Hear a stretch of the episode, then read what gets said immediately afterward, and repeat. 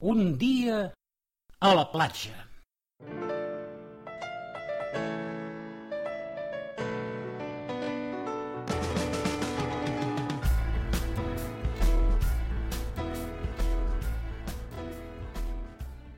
Avui la Bruna i els seus pares han decidit passar el dia a la platja.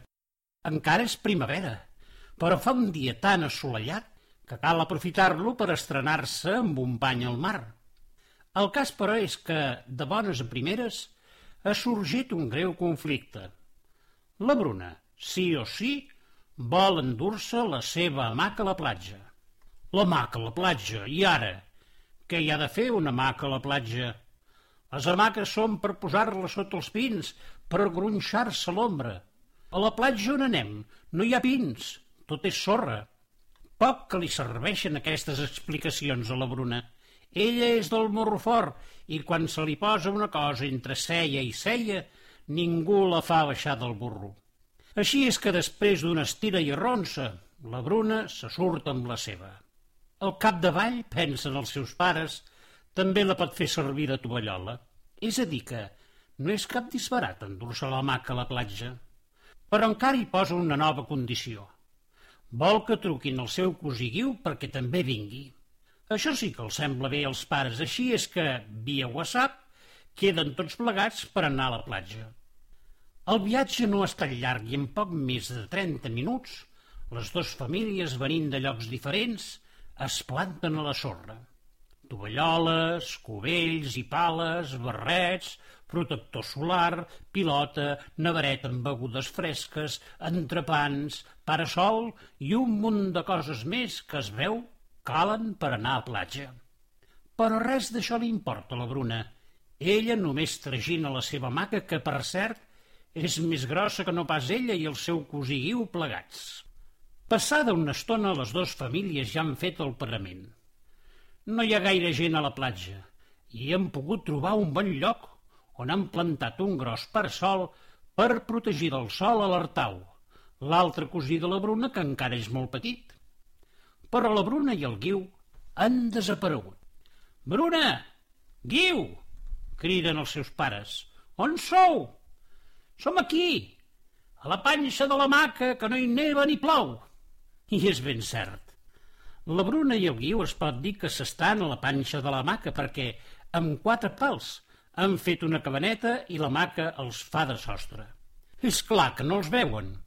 El seu enginy ha admirat a més d'un i els pares, cofolls, fan una gran rialla de complença. El dia passa a poc a poc, com el gronxar de les ones de la mar en calma damunt la sorra. Tota la família s'ha remullat més d'una vegada i s'han estirat per prendre el sol com bacallans en un assecador. Després de dinar, la Bruna i el Guiu han demanat als seus pares si poden anar al bosquet que hi ha més amunt de la platja. Aneu-hi, però no us allunyeu gaire. D'aquí a una hora marxarem. Els dos cosins s'emporten una galleda per recollir pinyes de la Pineda i, qui sap, altres tresors que trobaran. Pocs s'imaginen, però, què els espera. Quan són al vell mig del bosquet, senten plorar algú i mirant a dreta i esquerra troben un vell pescador, o això sembla, assegut damunt d'un tronc i lamentant-se de la seva sort. Qui ets tu? pregunten els veilets decidits. El pobre vell fa un bot de l'ensurt que s'emporta i no n'hi ha per menys. Ell es suposava invisible als ulls dels homes. Em podeu veure? Se suposa que els homes no em poden veure perquè sóc un ésser imaginari. Imaginari, diu el Guiu. Què vol dir imaginari? Que només es pot veure amb els ulls de la imaginació, respon el vell. Aleshores nosaltres tenim ulls de la imaginació perquè et podem veure i sobretot sentir. Per tant, també tenim orelles de la imaginació i t'hem sentit plorar a cor que vols. Com és que un senyor tan gran està plorant? li pregunta la Bruna. Aleshores l'home vell, guarnit amb un vestit que sembla fet d'algues, es torna a seure al seu tronc i explica la seva pena. El meu nom és Sorressacs. Visca les profunditats marines i la meva feina és tornar a les platges la sorra que les onades s'endú. Però mireu, el meu sac s'ha quedat estripat en quedar-se atrapat en uns coralls i ara no puc tornar la sorra a una caleta que hi ha aquí al darrere. Pobre de mi, les sirenes no es podran reunir a la caleta per donar la benvinguda a l'estiu, perquè amb prou feines hi queda sorra per fer la dansa de la primera lluna d'estiu. Una caleta? Què és una caleta? Una platja molt petita, rodejada de roques i espadats, on és difícil arribar-hi. Aquesta se'n diu la cala de les sirenes i cap ésser humà l'ha trepitjat mai. I és clar, perquè deu ser una caleta imaginada, diuen alhora la Bruna i el Guiu. Sorarsacs queda ben sorprès de la sortida dels bailets i pensa que hi deu haver una raó ben especial perquè hagin aparegut. Potser ells el poden ajudar. Sou, potser, dos follets que us ha enviat una fada per ajudar-me? No, diu la Bruna. Ell es diu Guiu i té un germanet que es diu Artau. És molt petit, però quan sigui més gran vindrà amb nosaltres a jugar. I jo em dic Bruna i sóc la seva cosina. Mmm, fa sorressacs. Guiu i Bruna, m'agraden els vostres noms, sí, m'agraden. Potser vosaltres em podreu ajudar? Segur que sí, diu el Guiu. Mira, portem una galleda si vols, l'omplim de sorra i la portem a la caleta. Oh, caldria moltes galledes i no tinc tant de temps per carretejar-les amunt i avall. Ja ho tinc! exclama la Bruna. Espereu-me aquí. I d'una revolada desapareix darrere els pins. Però per poca estona. Mira, sorrassacs, aquesta és la meva maca. Potser et pot servir per traginar sorra. Sorressacs obre els ulls com unes taronges. I és clar que li pot servir. Tal com és la maca, la vaig fer arrossegar pel fons marí i portar la sorra a la caleta. Veniu, de pressa, anem a la caleta de les sirenes. I tots tres se n'hi van. Aleshores, Sorressacs els fa seure damunt d'una roca d'on la Bruna i el Guiu poden veure aquell racó de costa que els sembla molt i molt bonic. Ara em podreu veure treballar, diu Sorressacs, i tot d'una es capbussa al mar per tornar de seguida arrossegant la maca de la Bruna pel fons marí carregada de sorra. I en poc menys de mitja hora la caleta és ben plena d'una sorra que sembla espornejar sota els raigs del sol de migdia de tantes petxines i estrelletes de mar com hi ha barrejades. Feta la feina, Sorressacs Torna la Bruna a la seva maca i li agraeix molt i molt el servei que li ha fet.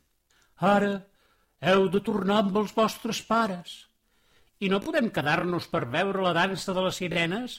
Oh, i em sembla que no. Si us quedéssiu, us transformaríeu en sirenes i deixaríeu de ser humans. Però se m'acut una manera que la pugueu veure.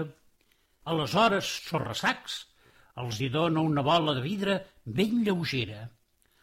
Avui a casa, quan siguin les dotze de la nit, tanqueu tots els llums de l'habitació i mireu la bola de vidre. Les explicacions de Sorrasacs són interrompudes pels crits dels pares de la Bruna i el Guiu. Els veilets es giren per respondre'ls-hi i en tornar-se a girar ja no veuen Sorrasacs per enlloc. I què hem de fer? diuen els pares. No us hem dit que tornéssiu en una hora. Au, anem, que ja fosqueja. És que hem trobat aquesta caleta tan maca i... Quina caleta? Aquí només hi ha roques i les roques són perilloses per enfilar-s'hi. I era ben cert.